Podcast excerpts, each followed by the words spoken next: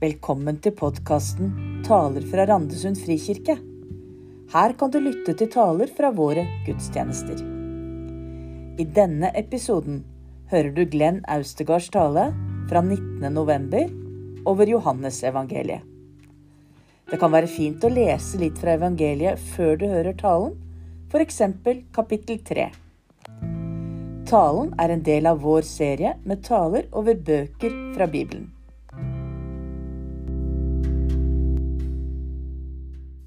Og det skiller seg ganske mye fra de andre tre, som er Matteus, og Markus og Lukas. Nå er jeg klar for neste. Det er en veldig sånn tydelig struktur, en tydelig oppbygging. Disse her antikke forfatterne som skrev for et par tusen år siden. Det er veldig imponerende eh, og spennende når du tar ei hel bok i slengen. For du får med deg noen andre ting enn når du dypdykker i hvert vers.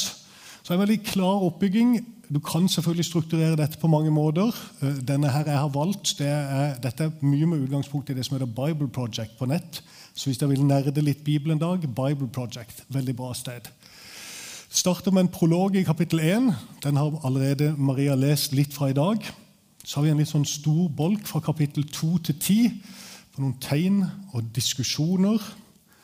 Så har vi et sånt slags klimaks eller et vendepunkt i historien. Det er rundt eh, når Jesus reiser Lasarus opp fra de døde, rir inn i Jerusalem.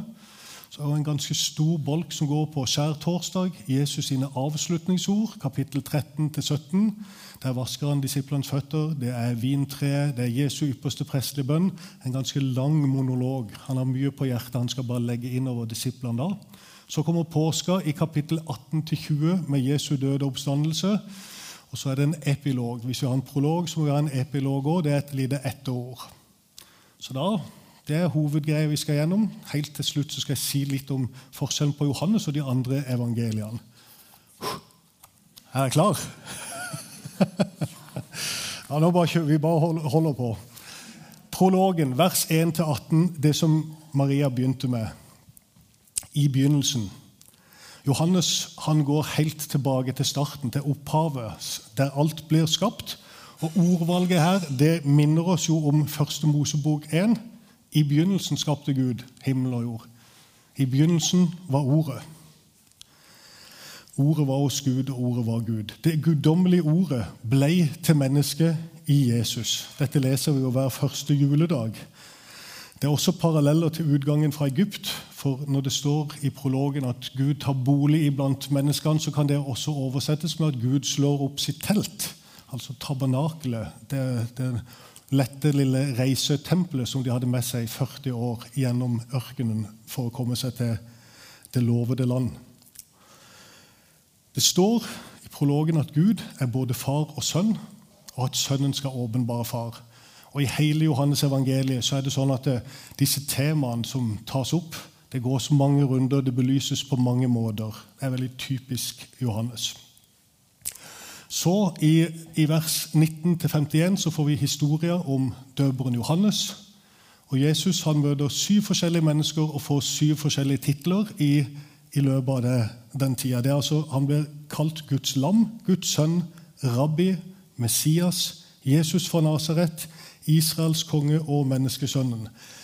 Alle disse tingene kommer vi til å møte igjen senere i Johannes. Og Det er sånn litt sånn tidlig varsel om dette kommer senere.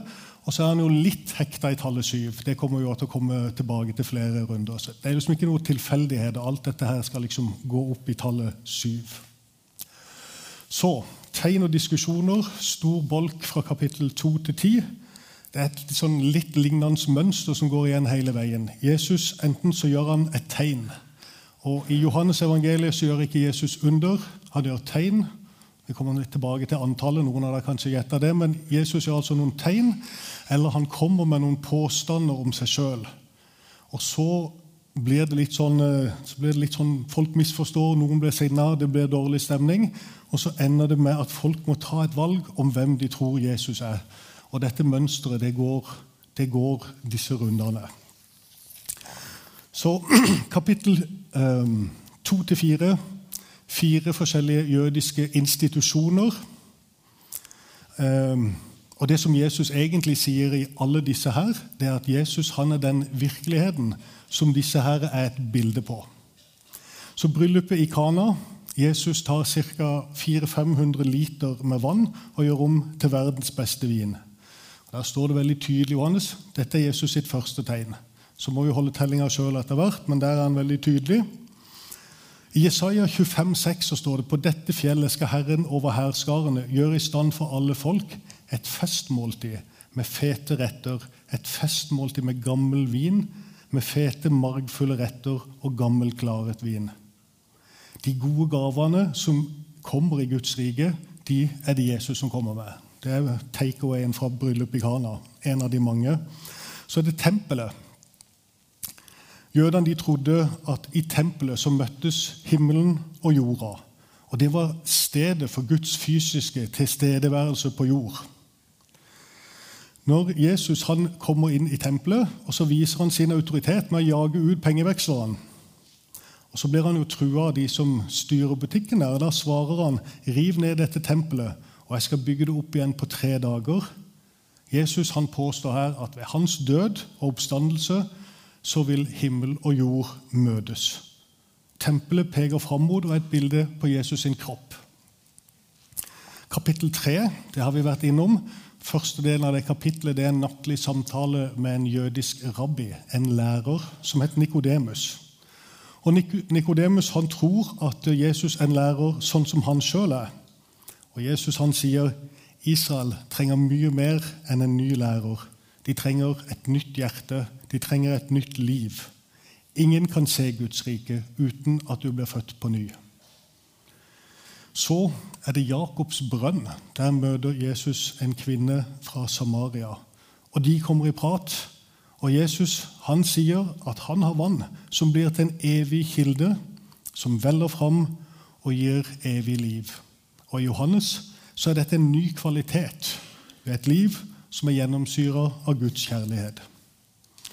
Og Så, fra kapittel 5 til 10, så er Jesus innom fire jødiske fester.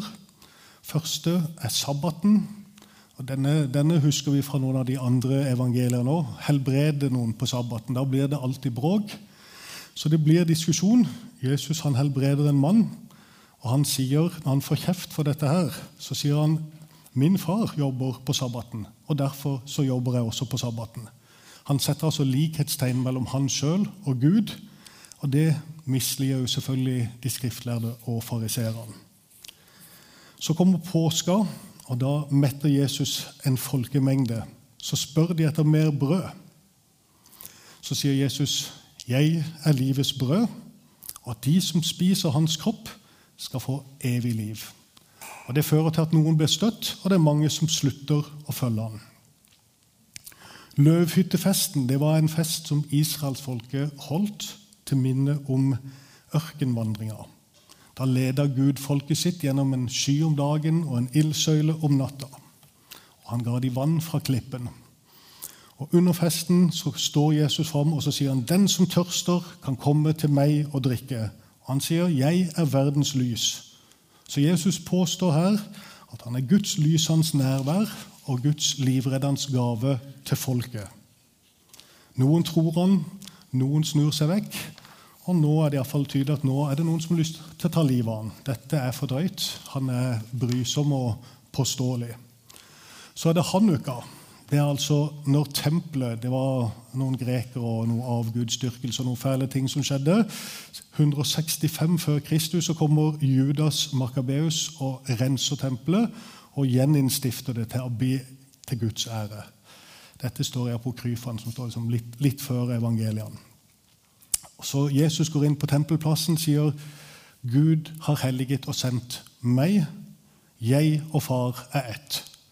Og Da har lederen for jødene fått nok, og de planlegger å få drept Jesus. Så kommer vi til si, vendepunktet Lasarus. Eh, Lasarus er syk, men familien hans de bor rett med Jerusalem. Og Det er jo blitt en dødsfelle for Jesus nå. Han har liksom erta på seg alle de som betyr noe der. Så Jesus han kan velge å holde seg unna og være trygg, eller han kan dra til Lasarus.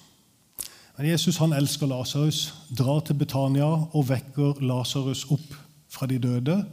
Og da vet han at han egentlig har gitt sitt eget liv. Det kommer til å koste han dette. Ryktene om at han vekker Lasarus opp, det når jødene sine ledere, og de vil få Jesus drept. Så Jesus han rir inn i Jerusalem, eh, men blir avvist av sine egne ledere. Og Jesus gir egentlig sitt liv for en venn. Dette er jo selvfølgelig et tydelig frampek mot korset, som vi begynner å nærme oss nå.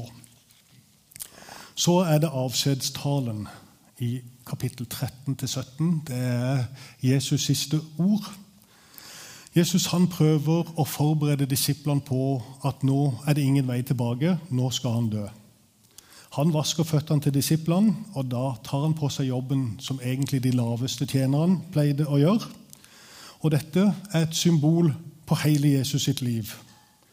Å vise disiplene at Guds sitt vesen er selvoppofrende kjærlighet. Det er et frampek på det som snart skal skje på korset. At han blir en tjener og dør for verdens synder. Og så gir han sitt nye bud. Som jeg har elsket og tjent dere, skal dere elske og tjene hverandre. Og dette skulle være selve kjennetegnet på Jesu etterfølgere. Vi kunne egentlig hatt opp den første her, Nils, men nå er jeg jo for så vidt gjennom den. så vet jeg det. Og så den neste, for der kommer han eh, etter, etter, å ha gjort disse tingene, så begynner han på en tale, og så glir det over i en bønn etter hvert.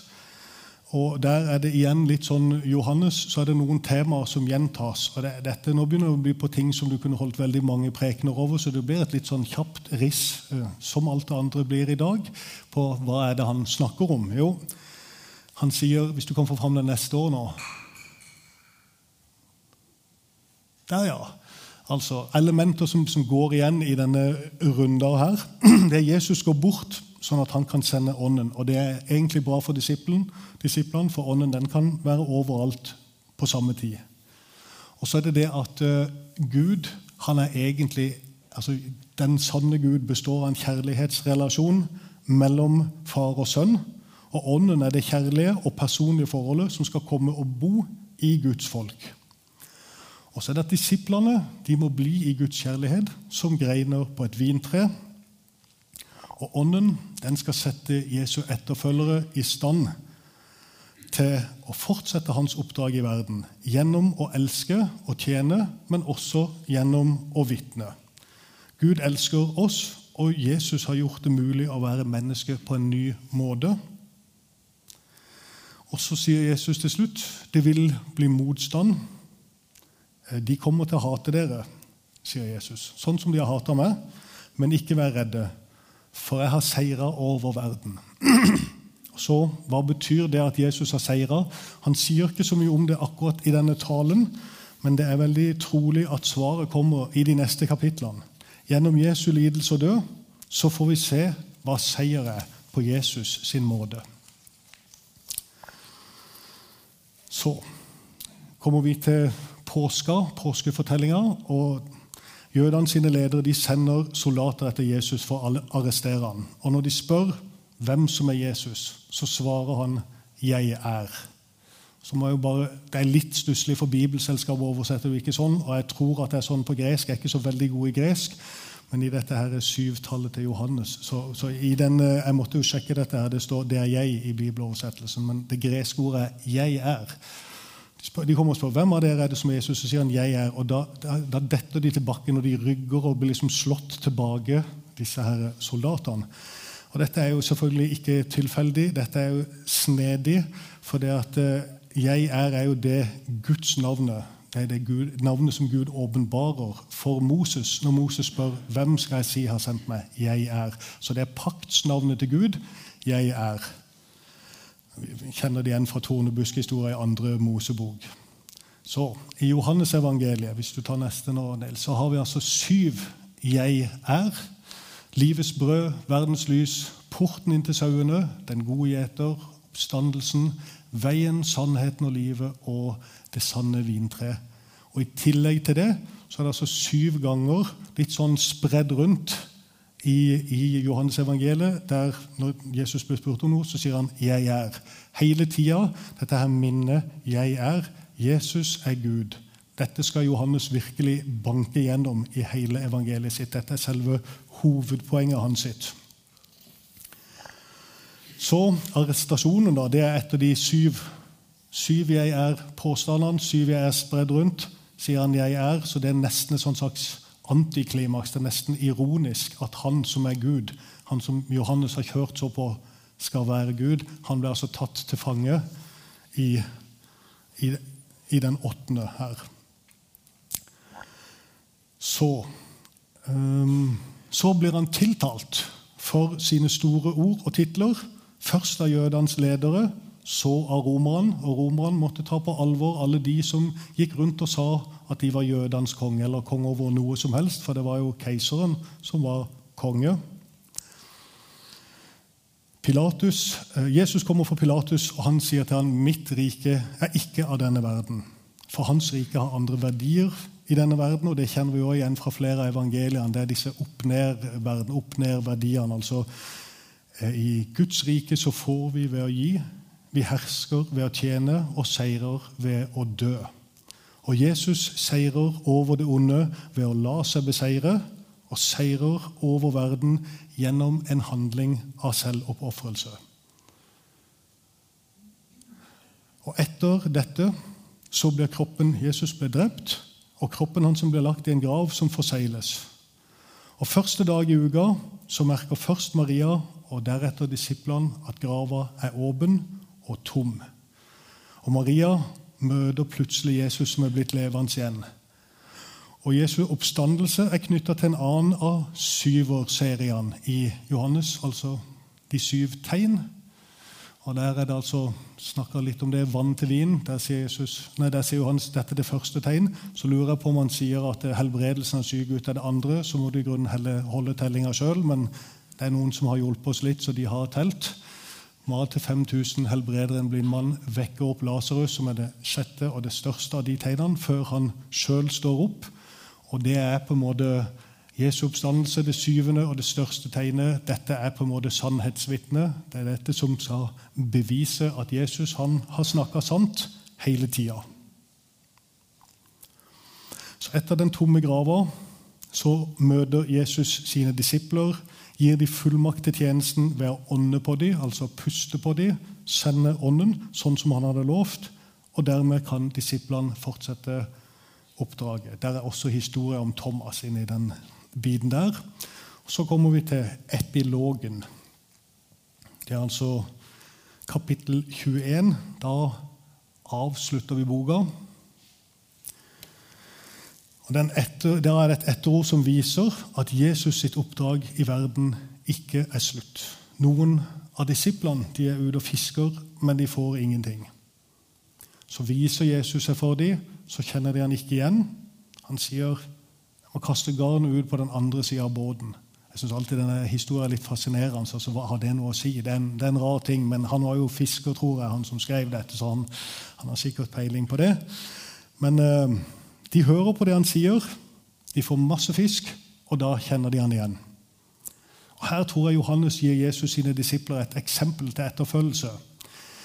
Disiplene de vil gjøre det best når de blir mer fokusert på å høre Jesus stemme enn på å få jobben gjort. Så snakker Jesus med Peter. Han får en slags oppreisning etter fornektelsen som han hadde før Jesus døde. Og han får jobben med, Jesus, med å lede Jesusbevegelsen.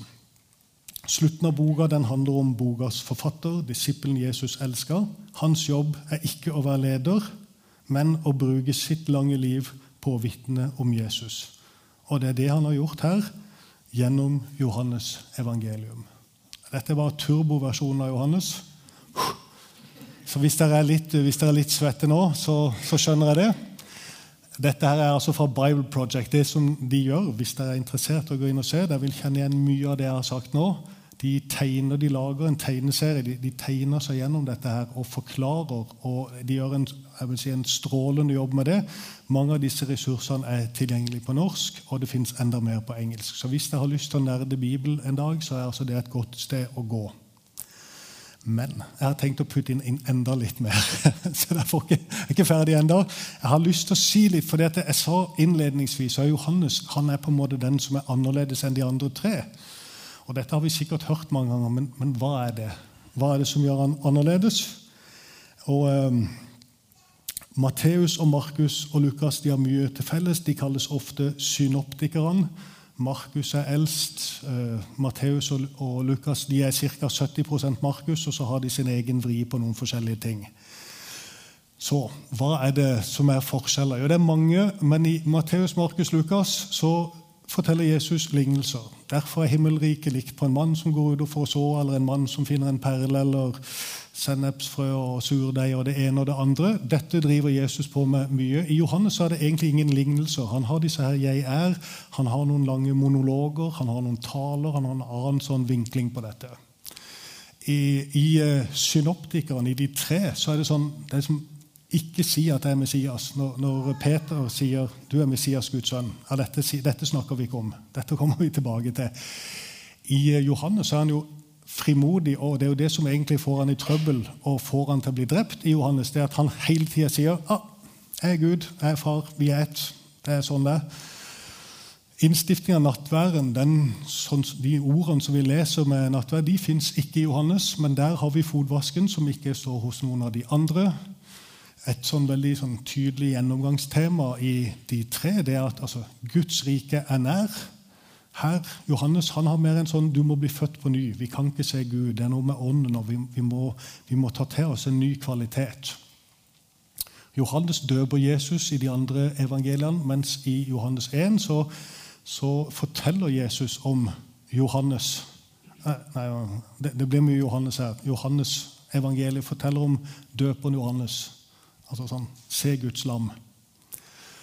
Eh, demonutdrivelser er det flere av i de synoptiske evangeliene. Ingen demonutdrivelser i Johannes. Til gjengjeld så reiser han en opp fra de døde. Hades og Gehenna, altså helvete, det er, det, det er de andre evangeliene. I Johannes så fins det ikke noe konsept på det. Eh, de starter med Jesu fødsel og ettertavler. I de andre, ikke Markus riktignok, han bare starter. Eh, ordet i prologen er noe av det samme. Så har vi Jesus som ble frista i ørkenen. Den fins ikke hos Johannes. Der det ser Guds lam. Bergpreken og de lange den type prekener de har du ikke i Johannes, men du har noen lange monologer og noen andre taler, og du har de syv 'jeg er'. Jesu forklarelse altså når han er oppe på fjellet og Peter vil bygge hytte, det fortelles ikke i Johannes, men da har vi altså løftet om Ånden. Himmelfarten den beskrives jo heller ikke i Johannes Johannes evangeliet. Men vi har historier om Thomas' sin bekjennelse 'Min Herre og min Gud'. Og Den lista kunne vært lenger, men det er for litt interessant å se at det er noen ting som er tydelig, tydelig forskjell. Så det er altså Både når det gjelder utvalg av stoff, teologisk vektlegging, hvilken rekkefølge skjedde ting, litterær stil Alt dette her, der er Johannes den som er litt for seg sjøl. Og Noen av de avvikene her du, altså de er jo på grensa til motsetninger. I Johans evangeliet så ser det ut som at Jesus er aktiv i flere år. Han tar flere turer til Jerusalem, blant annet, og deres flere påskefeiringer. Mens i de andre tre så ser det ut som alt dette skjer på én sesong eller på ett år. Ja, det er fint. Da har vi, da har vi to fortellinger i hvert fall, eller kanskje fire så kan en jo lure på hva er det som er sant. da? Er det Matteus eller er det Johannes som har rett? Og Dette er jo nok til flere prekener, dette også. så eh, ja, Vi vil få ta litt kort om dette. her. Det ene er jo altså, hva er sannhet. og det er jo litt interessant. Jeg måtte bare ta den med, for i Johannes 1838 så er det jo akkurat det Pilatus sier. Hva er sannhet? Så vet vi jo at Jesus han har allerede svart på det spørsmålet. egentlig. Han har sagt 'Jeg er veien, sannheten og livet'. Men for ikke å bare holde oss internt i Johannes, da hva er, Hadde det ikke vært enklere hvis vi bare hadde ei historie å forholde oss til? Og Dette var det jo noen som tenkte tidlig i kirkehistoria. så Rundt år 150 så var det en syrisk teolog. Han tok og putta alle evangeliene inn i én tekst. Han tok Johannes sitt eh, fremdrift, og så bare pusla han dette her sammen, sånn at det ble ei historie. Glatta ut alle forskjellene. Var ikke det, var ikke det fint? Himla enkelt og greit å forholde seg til. Um, men kirka og Den ble brukt litt i Østkirka. Men kirka, når vi skulle kanonisere og lage en bibel, så valgte altså kirka å ha fire ulike fortellinger, fire ulike biografier. På tross av, eller kanskje på grunn av, forskjellene mellom de.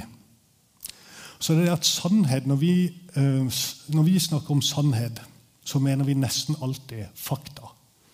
Det skjedde i denne rekkefølga. Det, det, veide så mye. Vi kunne måle det. vi kunne sånn. Når Bibelen snakker om sannhet, så snakker han nesten aldri om fakta. Og dette, som sagt, eh, derfor, derfor tror vi, eller så får vi ta en prat på kirkekaffen, men sannhet selv i våre dager kan være mange ting. Og når vi er veldig sånn hekta på det naturvitenskapelige og faktagreiene, så dette var ikke egentlig tankene til de i antikken. Så når de snakka om sannhet, så var det mer sannhet som en mening eller betydning. Hva betyr dette for deg? Eller sannhet som en visdom. altså Hva har dette å si for måten vi lever livet vårt på? Um, kommer gjerne tilbake og snakker om dette en annen gang. Jeg er jo, er her av og til.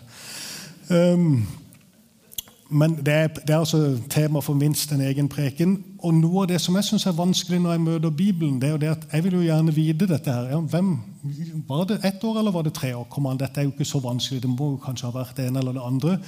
Men jeg møter jo ofte Bibelen med noen spørsmål som den aldri hadde til hensikt å svare på. Dette var de ikke interessert i egentlig i det hele tatt. Når de fire evangelistene skulle fortelle sine historier, så hadde de, de skulle fortelle noe. De, de, de, hadde opplevd noe med Jesus. Så skulle de fortelle deg noe som var en sannhet som var mye dypere enn i hvilken rekkefølge gjorde han det. Var dette her onsdag klokka tolv? Altså, dette var ikke viktig for dem. Det, sånn, um, det, gjør noen ting litt lettere hvis jeg tar den med meg, hvis jeg tar de brillene på meg. at dette, uh, De stressa ikke noe med dette. her. De ikke, det var ikke poenget de sitt.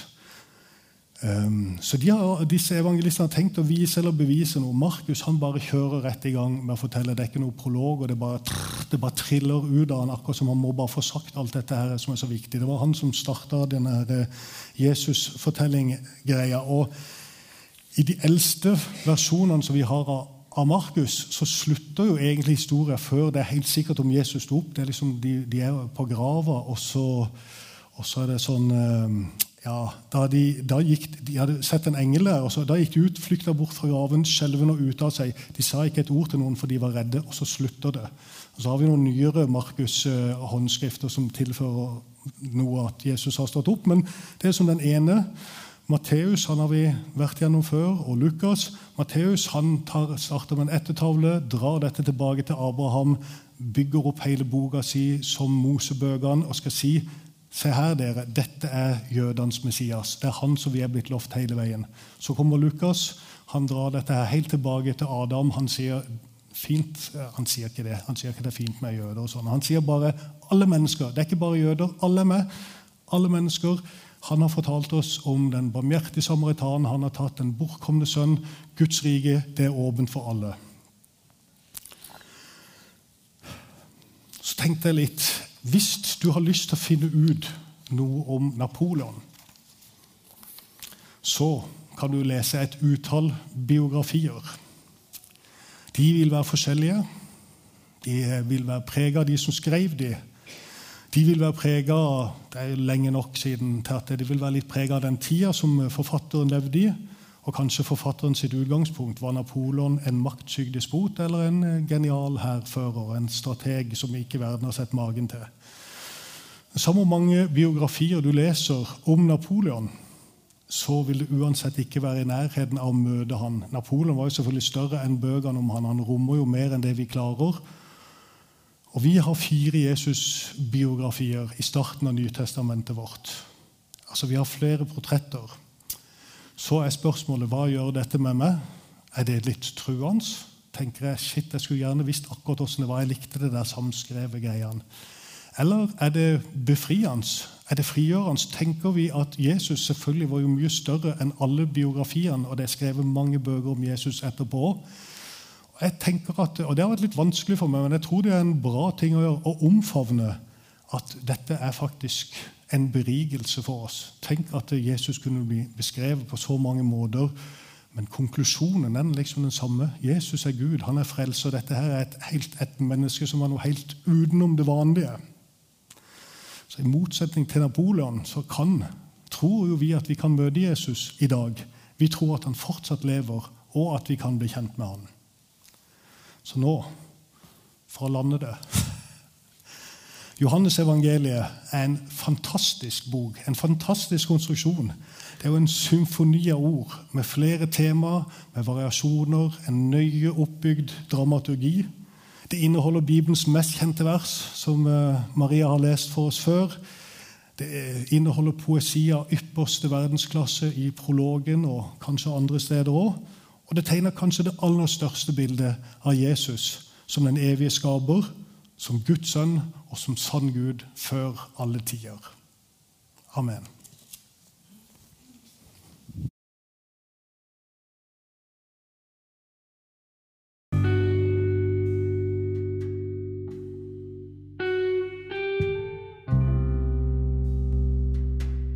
Du har nå lyttet til en episode i podkasten Taler fra Randesund frikirke.